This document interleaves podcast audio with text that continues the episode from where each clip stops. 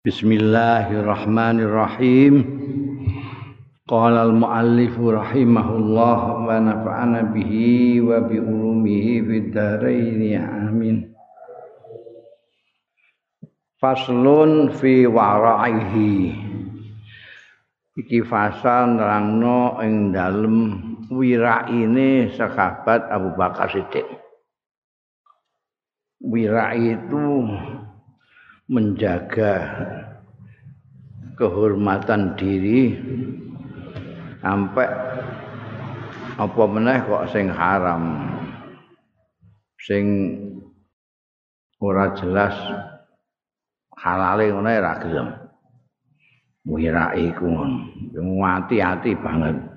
Ning kene biar maknani hati-hati hati-hati iki akanan iki apa jenenge halal apa haram?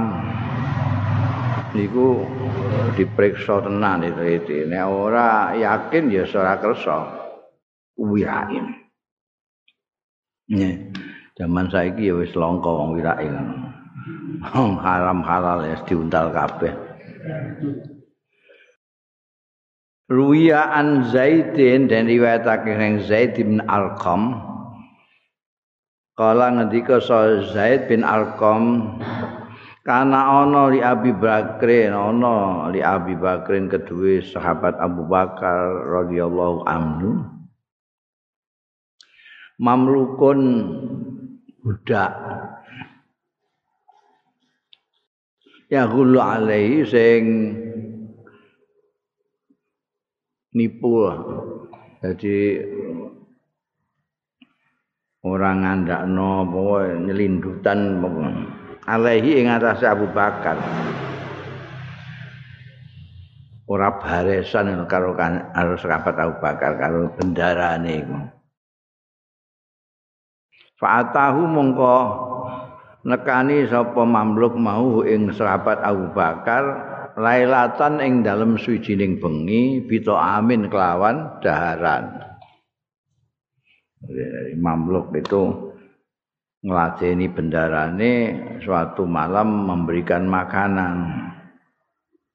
Fatana wala mongko mundut sapa sahabat Abu Bakar minhu saking to'am lukmatan ing sak puluhan sesuap. Faqala lahul mamluk mongko matur lahu marang sahabat Abu Bakar sapa al mamluku mamluk iki mau budake iki mau matur.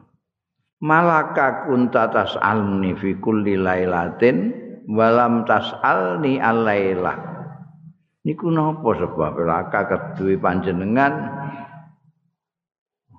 Napa? Kunta biasane wonten panjenengan niku tasaluni ndangu panjenengan ing kula kula lailatin setiap dalu. Walam tasalni lan boten ndangu panjenengan ing kula alailata dalu nika biasane jenengan nek kula aturi daharan menika mesti ndangu macem-macem. Iki apa iki? Kondi? Ana macem-macem dalu niki kok jenengan mboten dangu napa-napa langsung didahar ngoten mawon. Lagi sak puluhan iku. Budake kok nyerandu ngono iku. Sahabat Abu Bakar ya jawab Kola jawab sapa sahabat Abu Bakar. Hamalani ala zalika alju. Dorong ing ingsun ala zalika ing atase mengkono-mengkono ra takon-takon mau apa aljuu lesu? Aku saking lesuku. Jadi ora kok bertakwa aku langsung tak emplok ngono wae. Lagi sak emplok kok wis mbok takoki ngono macem-macem min aina jita bihadza. Lagi tak takoki aku wis tak pangan sak puluhan. Min aina jita bihadza. Saka ndi jita teko sira bihadza kelawan? Iki kondi iki pakanan iki Kala matur sapa mamluk mau. Maror tu kula niku pas liwat bi kaumin kelawan kaum fil jahiliyah dalam jahiliyah zaman jahiliyah tiang niku. Paraka itu lahum. Mongko kula nyuwuk. Lahum dateng kaum fawa aduni mongko janjeni ya kaum ing kula. Palama kanal yaum mongko bareng ana pal yaum dina niki marar tubihim liwat malih kula bihim kelawan kaum faizan ursun lahum mongko dumadakan nonton ngantenan lahum kedue kaum wah lagi pesta perkawinan Pak ni mongko maringi kaum mau ing kula. Dadi niki berkat saking ngantenane tiang-tiang jahiliyah niku. Eh, biyen nate kula suwun balas jasa ngono. Kula dikai niki terus kula aturake jenengan iki wau. Kala dawuh sapa sahabat Abu Bakar, "Upin laka." Potongamu. Nah, upen itu ya sen, nyentak lah kan upen. Ini mulane gak entuk muni upen ning gone wong tuwa. Kowe iku nyentak maknane upen lah kan. Ngawur kowe ngono nek cara kene. Kita meh-meh ae antuh likani yen tong membinasakan sira ing ingsun. June lagi sak puluhan iki kowe iku mateni aku ya ngrusak aku ya Fa'at khala mongko nglebokake sapa sahabat Abu Bakar ya dau ing astane sahabat Abu Bakar fi halaki ing dalem gorokane. Astane terus dilebokno. Nang goleki sak puluhan iki mau ya Allah. Lah kena dileboni la anu tangan faja'ala yatakayya kok dadi apa sahabat Abu Bakar iku yatakayya mutah-mutah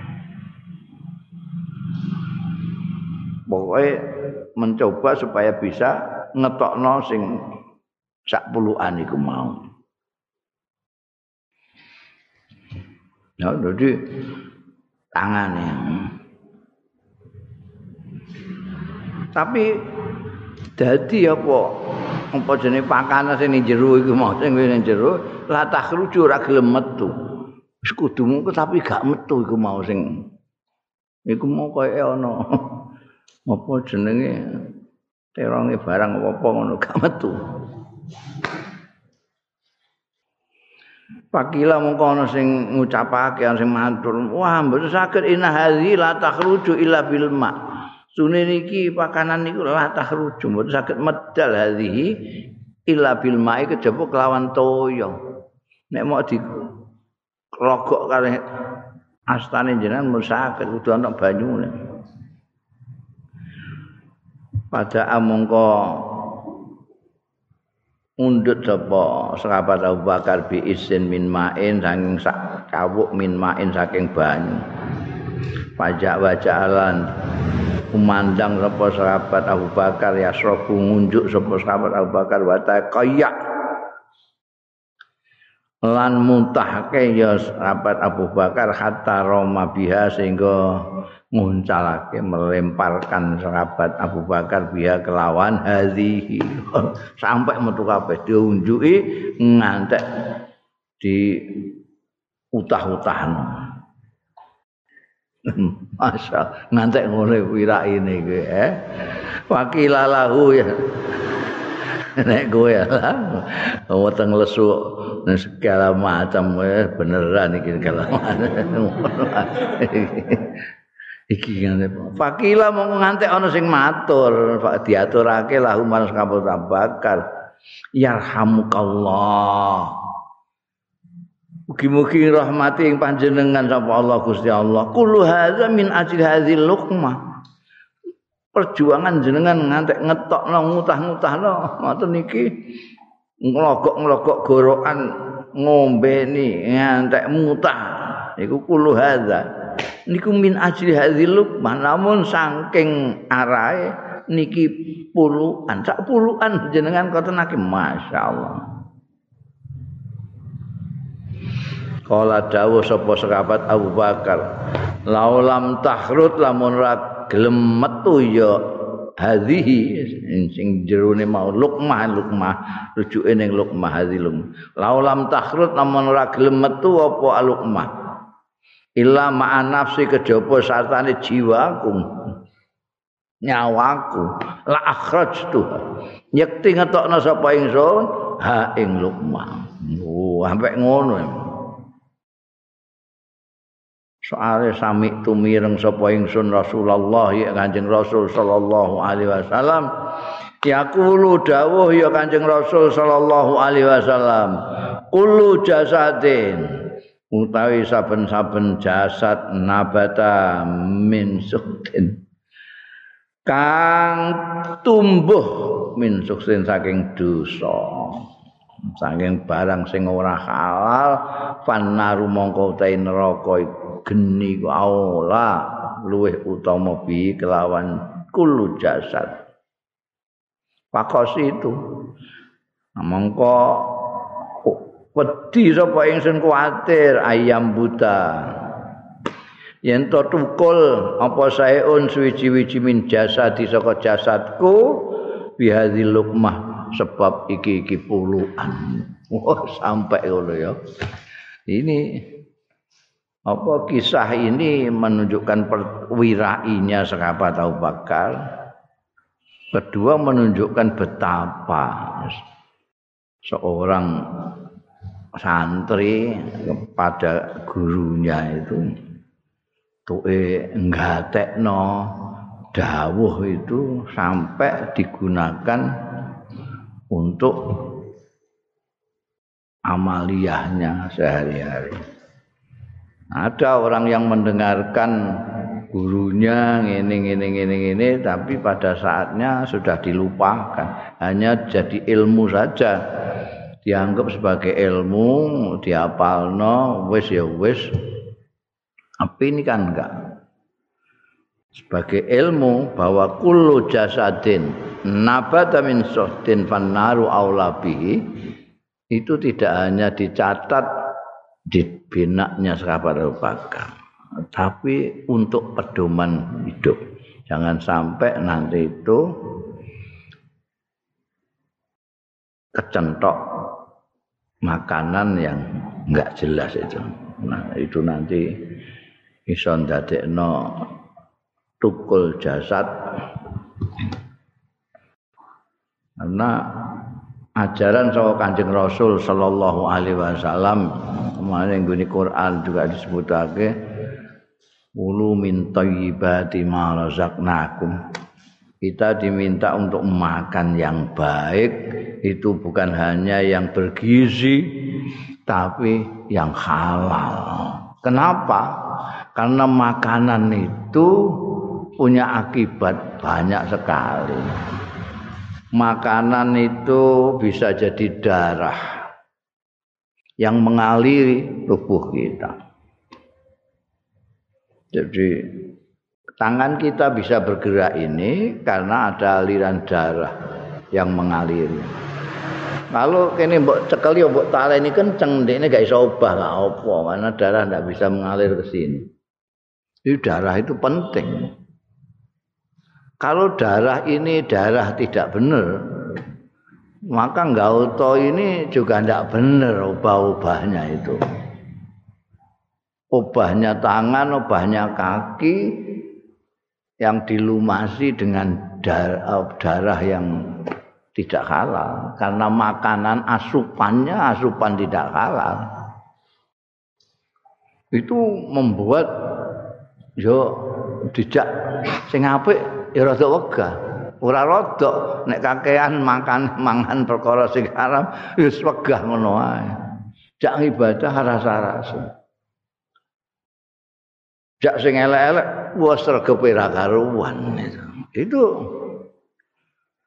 lebih bahaya lagi kan makanan itu selain menjadi darah menjadi mani.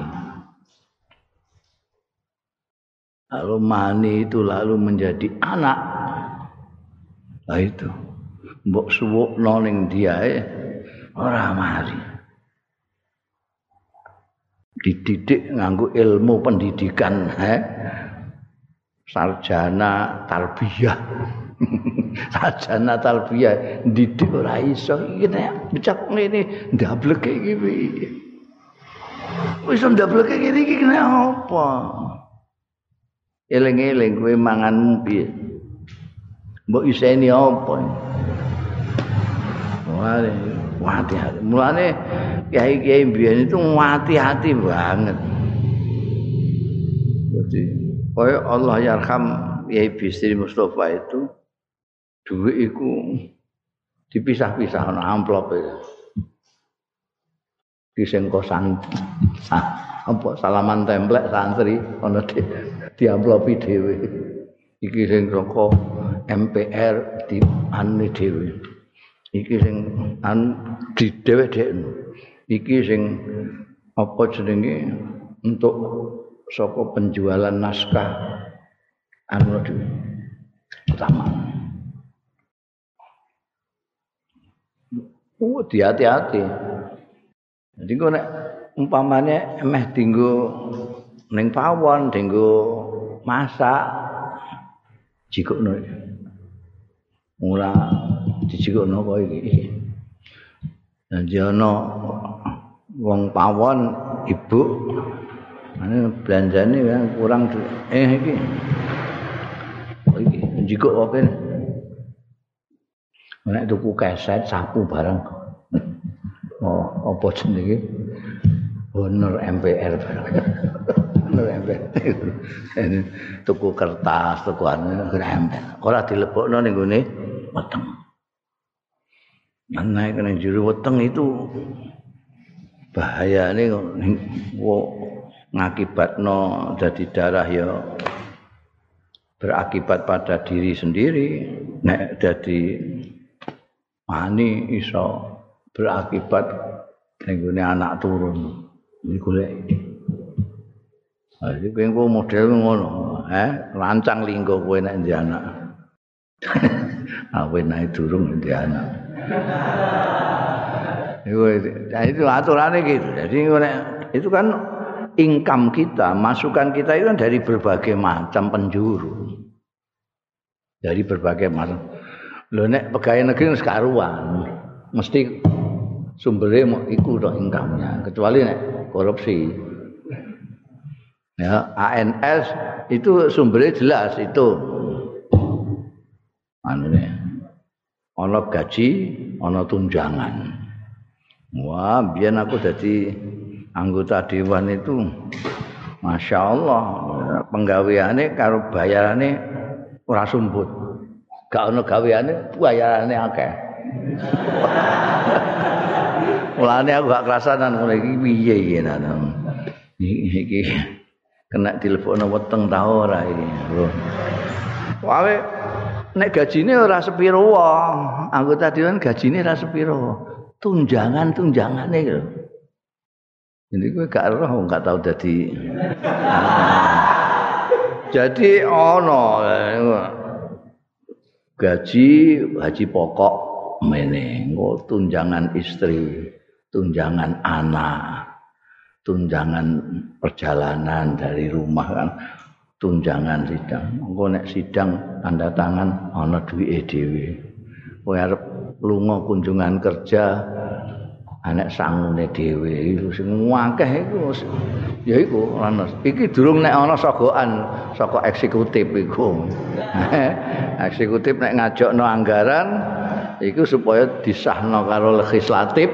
Legislatif itu anggota dewan ngene iku kudu mbeseli ya. Beseli supaya ndang kaki didok. Dinas-dinas sing duwe anggaran iku ngenteni didok saka dewane. Nek gak didok-dok ya ora metu anggarane. Didok dulu baru Kementerian Keuangan mengeluarkan duit. Lah supaya ndang daging dok iku ana duit ngedok. duit ngedok. Jadi hmm. biasanya lewat ketua-ketua fraksi ya. Ketua fraksi dikai niki jenengan bagi kanca-kanca Ya, ketua fraksi ya rasa takok-takok duit apa barang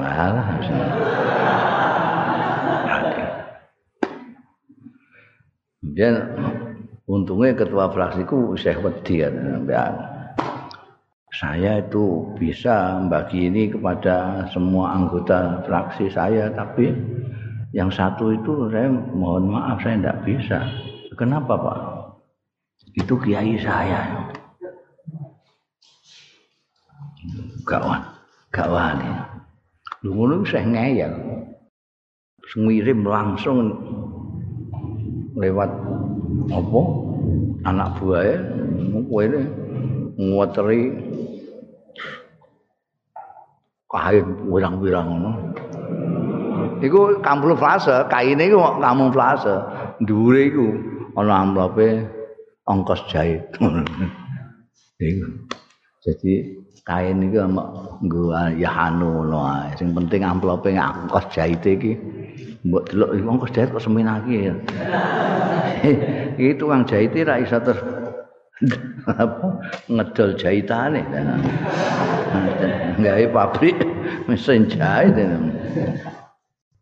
Wah itu mlebu ning weteng jadi anu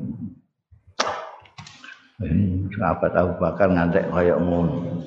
Ngantek do gawok sing sing gawok iki wong sezamannya lho, sezamannya lho. Iku mbah wong omah mbah sapa sepokoke iki ana sing yarhamukallah kul hadza min ajihadzil luqma.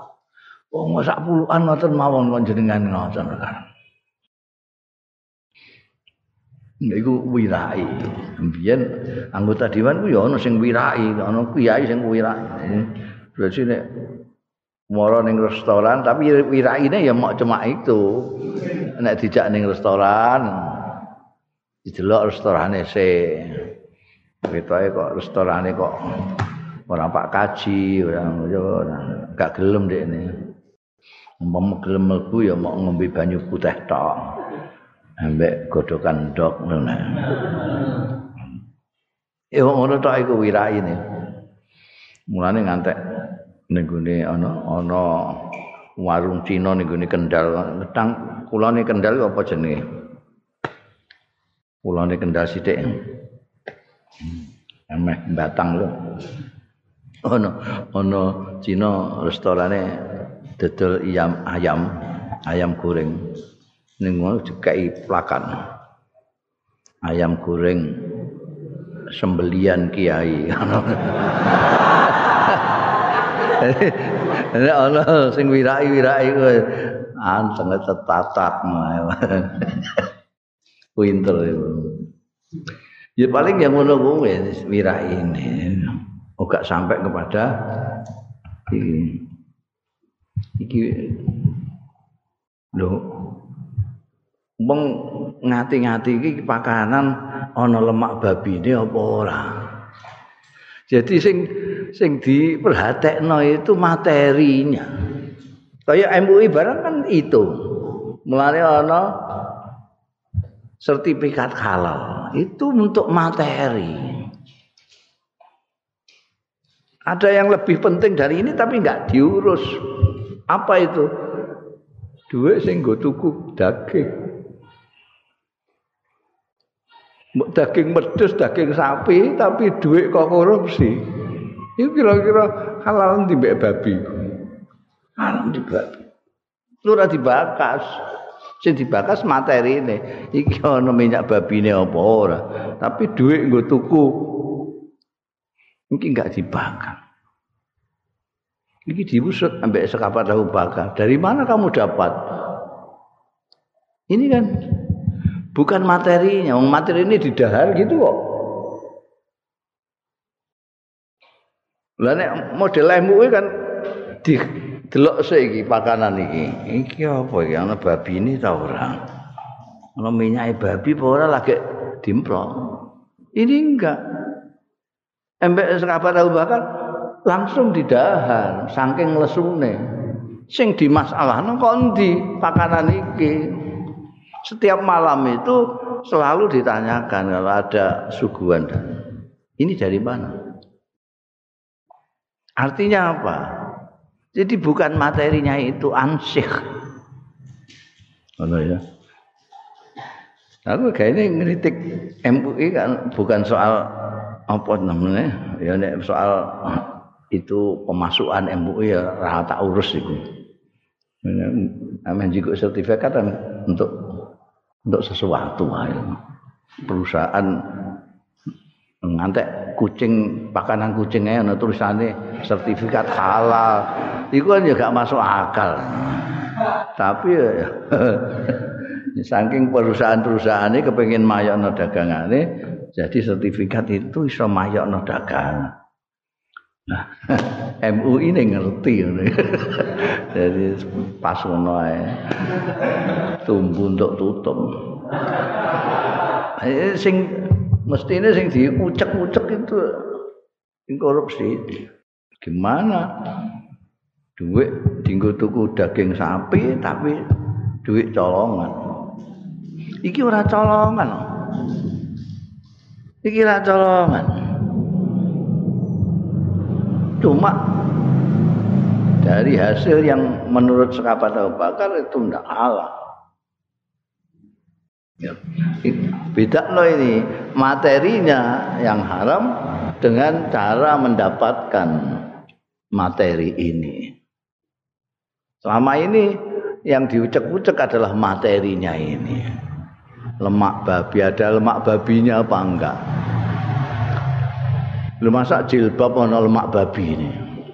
Kok jilbab ana sertifikat halal? ya, kucing mangan lemak babi kena apa? Kok makanan kucing ana tulisane halal itu. Hmm, apa diduliti karo sing duwe kucing kan? itu sing sing penting itu bukan materinya. Oh, ya. Allah. Kan aku wingi-wingi sekondo nek apa namanya perjalanan hidup siarul salaf itu nek diceritakno saiki kaya dongeng. Ana wong dahar sak puluhan kok ngantek ngono rekasane nggo ngetokno. Gara-gara kuatir ana sing tumbuh di dagingnya itu dari sesuatu yang haram. Lha sing muni sapa? Sing muni junjungane Kanjeng Nabi Muhammad sallallahu alaihi wasallam. Nah, dawuh Kanjeng Rasul sallallahu alaihi wasallam itu bukan hanya untuk sekabat saja, apalagi hanya sekabat Abu Bakar saja, tidak, untuk seluruh umatnya. Setiap orang, kulu jasadin ngono kok. Kulu jasadin itu semua jasad. Nah, ya, ini ini udah perhatian itu penting banget itu penting. Mau jangger warak, eh? jangger warak, warak angger warak, watu ya warak. Nah, tapi ini, ini soalnya parah sekali. Korupsi itu menjadi merajalela itu antara lain karena tidak pernah diperhatikan. Sarana yang haram itu tidak dibakas. Yang dibakas materi. Sarana wong tuh saenake ngono. Itu gak terasa kalau itu korupsi sudah membudaya. Jenenge korupsi kok budaya budaya itu kan bagus agung. Saiki wis digunakan nganggo korupsi. Seolah-olah korupsi itu sesuatu yang bagus sesuatu yang lumrah lah minimal. Nanti orang itu tidak kerasa. Wong iku aku tahu ditakoki nelayan iku masyaallah nelayan itu buruh nelayan. Sing miyang nganggo kapale wong iku entuk iwak pira iku diserahno mbek juragane sing duwe kapal ana sing takok niki biasane Saderenge dianu niku pun dilongi kali kanca-kanca. Eh dikula dikelongi sithik lah. Saderenge mangke di ben majikane iku. Lah kula nek mboten purun dibagi, kula dimusai kanca-kanca. Tapi nek kula tampi niku sepundi. Sampai ke bawah sekali itu. Dhuwur yo ngono, sak kantor. Sak kantor iku kudu entuk kabeh. Nek gak ngono sing lapor utawa meri. Akhirnya itu terus jadi budaya. Kondur anggarannya 500 juta. Kan provinsi karek 50 juta. Kan kabupaten karek 5 juta. Engko nek tekan kecamatan entek kowe. Ora sida bangun apa-apa. Itu bahayanya makanya ada gedung SD tiga bulan ambruk. Jalan baru beberapa bulan sudah bolong nah itu. Karena ya dilong-long itu ngelong ini bareng-bareng. nganggo ranking. Kowe pangkatmu rada dhuwur untuk ya akeh, ngisarem rada sithik tapi entuk juga.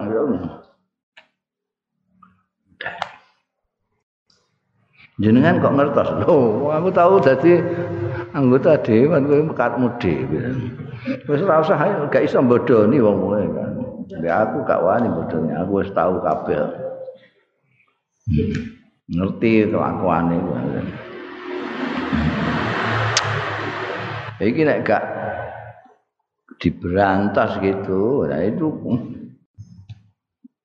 Apa namanya? Ini karpe kan karpe jane sing apa pemerintahan gawe undang-undang apa sini sing rame di demo barang itu. Itu karpe memangkas banyaknya ini. Biasanya wong ngarep gawe apa-apa itu tanda tangani pirang-pirang. Mara ning kene. Biyen iki zaman Orde Baru, wong ngarep pidato iku tanda tangane 20. Abah itu Allah yarham itu termasuk orang yang harus 20 tanda tangan. Karena dia dijuluki macan podium. Jadi bahaya nek pidato sing ora-ora kan Jadi harus ada tanda tangan mulai ketua RT, ketua RW, cari nih kamu itu waduh cari lurah. Lurah sekretaris kecamatan camat koramil. Muasal polsek 20 tanda tangan lagi oleh. Jadi periksa nih kono pembean koramil biasa sing periksa. Bosan tanda tangan 20 lagi untuk munggah. Ora iso. Lah iki meh usaha apa-apa juga gitu. Tanda tangan kene se ini. Hah? Ini harus lewat ini karena ini kaitannya dengan Kementerian Pendidikan kan ini madrasah kan madrasah ini pendidikan ada pendidikannya tapi karena ada agamanya ya dengan Departemen Agama juga tanda tangan itu kok Kementerian Pendidikan kok Kementerian apa jenenge Kementerian Agama. ini bangun dibangun sendiri ya iya, tapi ya harus ke PUK. Itu pekerjaan umum harus dapat tanda tangan. Bayang, bayang no, setiap tanda tangan ini sekian juta rantai anggaran.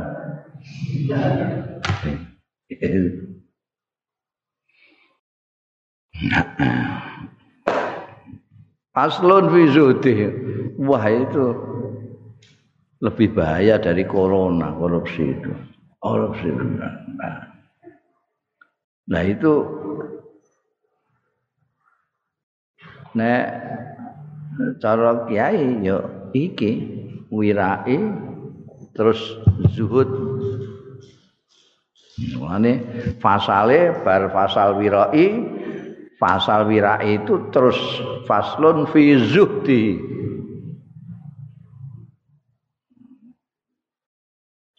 kowe nek kepengin ngetutno Kanjeng Rasul sallallahu alaihi wasallam carane piye? Wong kowe ra menangi.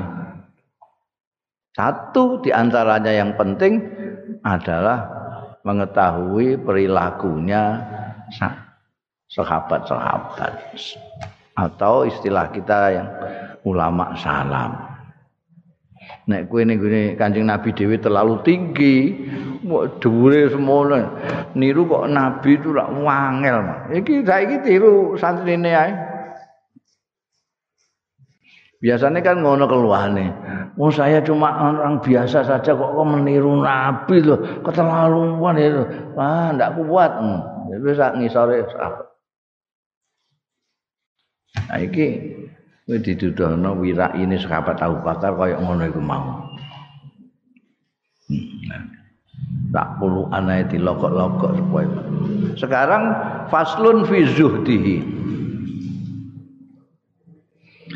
Ing dalam zuhude sahabat Abu Bakar. Ruwiya dan riwayatake an Zaid bin Arqam an Abu Bakrin sedune sahabat Abu Bakar Siddiq radhiyallahu anhu istaqa fa utiya bi ina'in fi ma wa asal. Nyuwun nunjukan ngorong kok kudu ngombe aku istaqa, istaqa. Fa utiya mongko ditekakno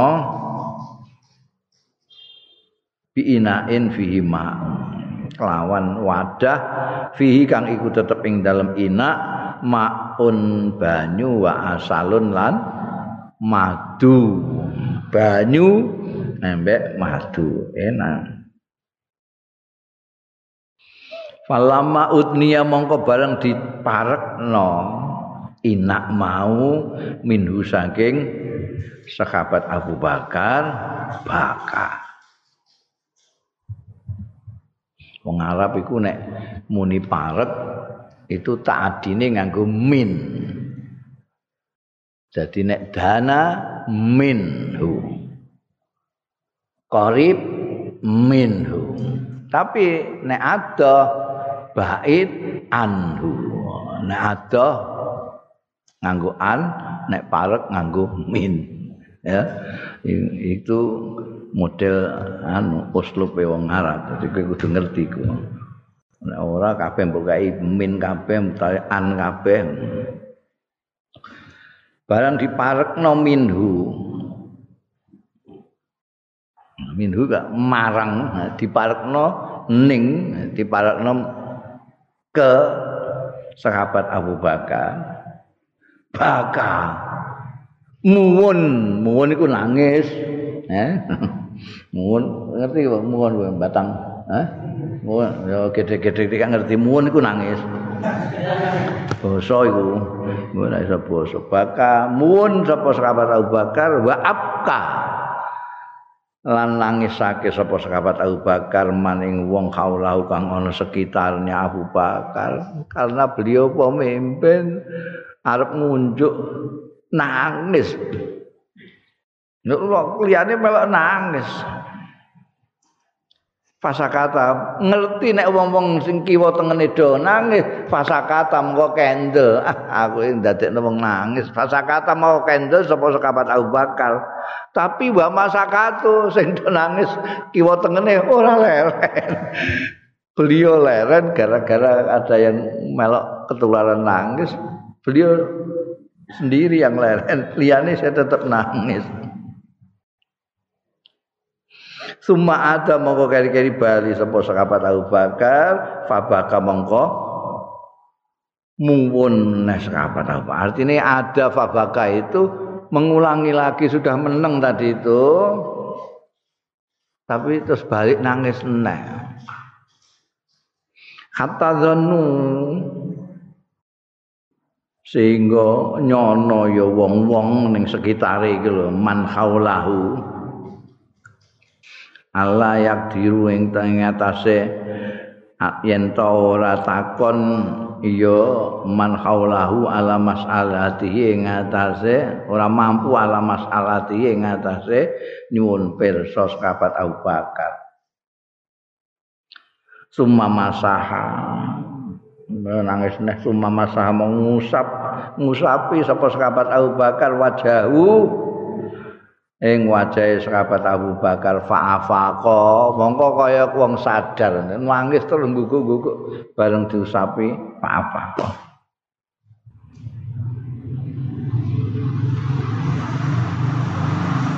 Faqalu mongko padha matur wong-wong kiwa tengene iku man haulahu mau bareng ketok sahabat Abu Bakar wis lerem fa'afaqa iku wis lerem seranange Faqalu mongko padha matur para man haulahu mau. Ma'ahajaka ala hadzal buka. Taina apa iku ahajaka?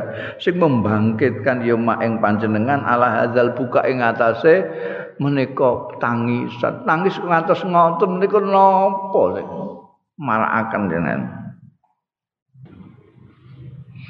Kala dawuh sapa sahabat Abu Bakar njawabi pitakone wong-wong kuntu mbiyen ana sapa ingsun iku ma'an nabi sartane. Kok mbok maknani mbiyen? Mergo nganggo kuntu iku.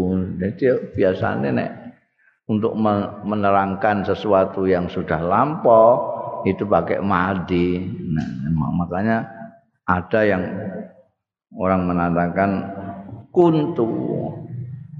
Aku mbiyen ana niku fi'il madi kuntu ana sapa ingsun ma'an nabi sartane kanjeng nabi sallallahu alaihi wasallam. Wa huwa hale utahe kanjeng nabi sallallahu alaihi wasallam iku yadfa'u nolak kanjeng nabi sallallahu alaihi wasallam anhu saking kanjeng nabi sallallahu alaihi wasallam sayan ing apa-apa. Nolak anhu itu jangan sampai kena dirinya. Hmm, nolak nolak dari dirinya sendiri. Iki nek nolak nganggo an. Padha karo nek bait no.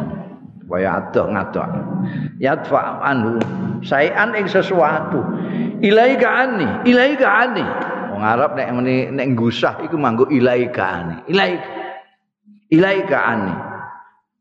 Migat anni sange ingsun. Ilaika anni. Maksudnya ngusir lunga saka ingsun lunga saka ingsun. Ilaikum ilaikum ngedo ani saking ingsun. Itu jadi nolak sesuatu tapi walam aromahu ahadan. Orang ningali sapa ingsun dawuh sekapat Abu Bakar ma'ahu sartane Kanjeng Nabi sallallahu alaihi wasallam akadan ing seorang pun aku ndak melihat orang ke kanjeng nabi kok. Eh kan lu lu marak aku. Eh, kok nolak sesuatu tapi saya lihat nggak ada siapa-siapa. Fakultu mongko tak wane-wane matur sapa ing matur sapa ing ya Rasulullah. Duh kanjeng Rasul aroka. Ningali kula ing panjenengan tatfa'u ingkang nolak panjenengan angka saking pribadi panjenengan sayan ing sesuatu. Padahal walam arolan boten ningali kula maka sartane panjenengan akadan ing seorang pun. Sinten sing jenengan usir niku? Jenengan ngusir-ngusir. Kula tingali kok boten nonton tiyang sanes. Kala dawuh sapa Kanjeng Rasul sallallahu alaihi wasallam Hadi dunya dunya iki iki dunya. Iku tamas salat. Mendo-mendo hadi dunya. Li marang ingsun bima kawan barang via kang tetep ing dalem dunya iki. Hmm. dunya ku menampilkan macam-macam nek cara saiki ini jenenge TV wah ngetokno segala macam produk yang menggiurkan. Eh wong biyen sikatan tuh mau nganggo driji. Santri iku biyen sikatan nganggo driji. Ambekan odole bataden. Bataden iki boto dideplok. Boto deplokan di leletno terus dienggo sikatan yo untune ya jute putih-putih. Saiki ku sikate meningkat namanya santri bareng ini terus nganggu sepet. Terus nganggo sikat atom. Istilahnya biar sikat atom. Nek mbok kebanteran cedoklek ngono kae. Saiki sikat itu bermacam-macam. Wah wamerno karo kowe kabeh. Sikat. Memang ada sikat melengkung sikat yang bisa mencari sisa-sisa makanan sendiri. oh, ana sing panggo semprotan sikat semprotan. Odole juga macam-macam ana odol ndledek ana odol cair. Oh itu. Iku sak ana TV itu dunia ini menampakkan isinya kepada Rasulullah SAW dikenekno. Eh, minggat minggat ilaika anikum minggat minggat gak ketok sahabat Abu Bakar gak perso. Iki dunia itu menampakkan kepada isinya. Mulane fakultu laha, mongko aku ngucap laha marang dunia iku ilaika, ilaiki ani. Ilaiki ani. Jadi wacanane ilaiki ani. Kok ilaiki mergo dunia iku manas dunia itu. Mulane ning kene tak biha fiha. Fiha fakultu laha. Maka dunia itu mu'anas mu'anas nah, macamnya ilaiki anni. Nah, lanang ilaika. Fakultu mongko ngucap sapa ingsun laha marang donya ilaiki anni. Eh minggat sapa ingsun. Fatanakat mongko nyingkrih ya donya Jadi tahu Kanjeng Nabi ku dipameri dunya ku ya tahu. Ngantek kipat-kipat minggat minggat.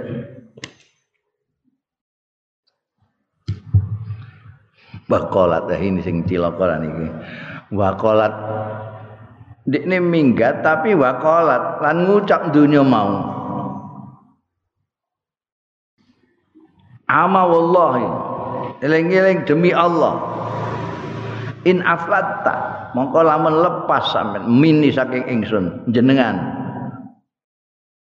Layuf litu mini ora iso lepas mini saking ingsun. Sapa man wong badha kasang sakwise jenengan? Gusti jenengan sakit lepas saking kula tapi bal niki ora sakit ora sakit oh wedi sahabat Abu Bakar itu. Dan beliau kan sakwise Kanjeng Nabi. Fakasi itu wedi sapa ingsun antakuna. Yen tok ana ya donya iku kot lahi kok teman-teman nututi bi kelawan ingsun ngaku ya sakwise Kanjeng Nabi. Padahal mongko ikulah. Ya mengkono mau iku sing allazi abkani sing dadekno aku nangis. Sing iso dadekno ya lazi sing nangisno ya lazi ing ingsun. Aku nangis iku yo mameh aku kepengin ngorong nek pengen ngombe ngombe nganggo asal. Padahal mau baju karo asal. Iku durung seprit. Barang eh durung seprit durung anggur bang. Masyaallah iku mus ngantek nangis sing guguk ngono iku. Mergo kelingan dawuh Kanjeng Rasul sallallahu alaihi wasallam kipat-kipat karo ngusir dunya dunyane muni. Nggih apa jenengan sakit lepas saking kula. Tapi yang samune jenengan. Ha suatu sakit. Sahabat Abu Bakar wis kuwatir iku mek donya iku. Bayar sahabat Abu Bakar iku yes nempel lah bar Kanjeng Nabi ke sahabat Abu Bakar. Terus guring-guring guring-guring santai bu, buku iki. Iku isih salaf Iku terus sing saiki iku terus sapa? Eh? Saiki wani piye wong ngusir dunya iku malah dirangkul malah dirangkul sedemikian rupa ing ngrangkul dunya ngantek di lampu nyolong di lampu korupsi dalam macam saking ndak bisanya menolak iming-imingi dunia. Niki Sekabat Abu Bakar iki mau banyu mbekan madu dong. Bayangno nek roh iming-iming sing kaya saiki Masya Allah segala macam dunia isine. Sampai menuso ing dunia termasuk ning Indonesia iki wis belas tidak berjarak sama dunia sama sekali. Mepet. Ngejar dunia kabeh ngejar dunia Terus dikai pelajaran besar-besaran oleh Allah Subhanahu wa taala supaya berjarak dengan dunia iku isih mikir aku nek berjarak karo dunia iku terus ekonomiku piye. Mulai sekarang ini itu isih kober wong itu mikir non dunia ini nemen. Sampai di sini ada kampanye untuk menghindari penularan nganggo masker. Iki ana sing kampanye supaya ndak usah maskeran, ndak usah jarak. Kita supaya bebas saja lah. Iki mau dibodoni ambekan orang-orang itu. Kenapa? Kalau orang ini terus tetap jaga jarak, nih di rumah saja. Pengusaha-pengusaha itu repot itu. dagangane gak. Kowe gak ana sing ning hotel. Saiki nek kepengin bintang 5 kowe kuat kowe. Mergo ana korting iku ngantek 80% saking ora payune. Mulane wong diabani, "Wah, aja ngandel, aja ngandel." Aja ngandel. Iki corona iki abal-abal. Ini konspirasi antem ngono barang. Ini lali nek sing muni ngono iku ya konspirasi. Saking perlu mbek dunya. Jadi sekarang ini ora kok memahami iki maknane apa.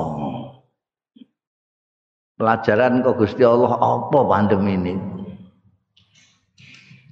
Tidak dipahami sebagai pelajarannya Allah tapi saya tetap tinggal golek selah-selahane bagaimana masih tetap mendapatkan dunia sebanyak-banyaknya. Mulai geger perkara undang-undang apa sih undang apa jenenge? Ah, boy ora tau maca koran ora tau. Jadi undang-undang cipta-cipta karya apa-apa ngono iku lho. Itu kan permasalahan persoalan dunia. Hmm. Nah, nek kowe ngomong ngene iki, eh, dianggap ora wong donya kowe. Wong wong dongeng. Sama ya, kamu itu orang klasik gitu jam jam. jam. zaman saiki kok anu. Lho nek gelem mikir kita itu kemarin semua hampir semua orang lah ilaman rahimallah. Itu berlomba-lomba mencari dunia. Sehingga dengan dunia sama sekali bukan hanya tidak berjarak mepet-mepet. Mepet-mepet. Sampai saking tidak berjaraknya dengan dunia jaraknya lebar sekali dengan keluarga. Keluarga ditinggal. Sing lanang nyambut gawe istilahnya nyambut gawe kan nyambut gawe dirasani tonggo. Nah ngono. Ini jenenge nyambut gawe aluse kasare yang boleh dunia kan gitu. Sing lanang golek donya sing wedok ya wanita karir. Wanita kok ning omah tok masak tok itu wanita kuno itu kelas. Klasik. Dikonono bolak-balik terus gengsi aku tak jadi wanita karir. Metu juga. Bapak metu mbok metu. Anake sapa anake dititipno karo babune babune senengane ndelok sinetron.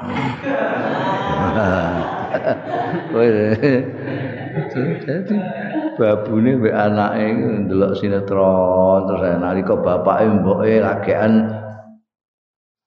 iku mau nyambut gawe alias golek dunya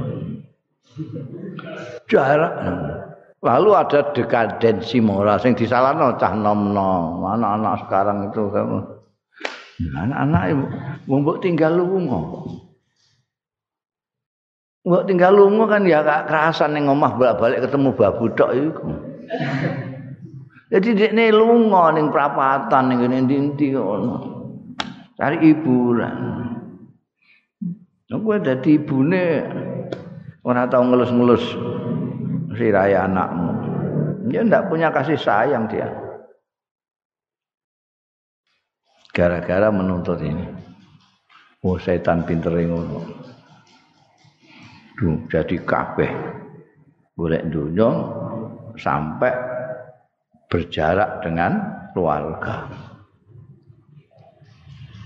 Kalau dengan keluarga saja berjarak, apalagi dengan Gusti Allah.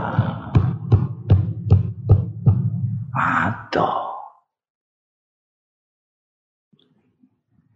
Kon sembayang ning masjid, Wah iki rak kadoan saka donya kene masjid iki Jumatan ning kantor.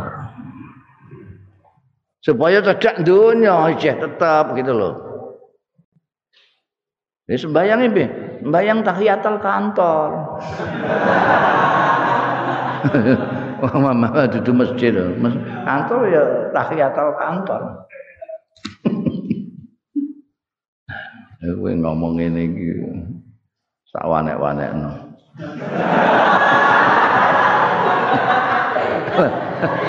Mergo ora sesuai mbek zaman itu. Aku ya Allah, itu wis saiki kowe malah dikongkon berjarak karo wong, berjarak karo masjid, berjarak karo eh saiki kowe. Kowe kudu ketemu karo keluargamu saiki, iku anakmu lho. bingung saiki kon marahi anake sekolah mergo sekolahnya sekolah daring. Bingung. Sing lanang kok dadi imam ning omah? Padahal apalane mau ina atau ina. Bingung kabeh iki. Sing ngembok bingung ngadeni anake iki Ini gimana Bu ini kok ada pertanyaan sekolahan begini begini begini. Lu iku apa ana ngono Apakmu kapan? Ini si kapok nambah Gusti Allah, ya kapok nambah Gusti Allah. Ngono ya gak paham-paham, bebal luar biasa. Saya tetap tukaran karena dulu ya, perkara dunia ya Allah. Paslon fi dzikri ma laqiya wallahu a'lam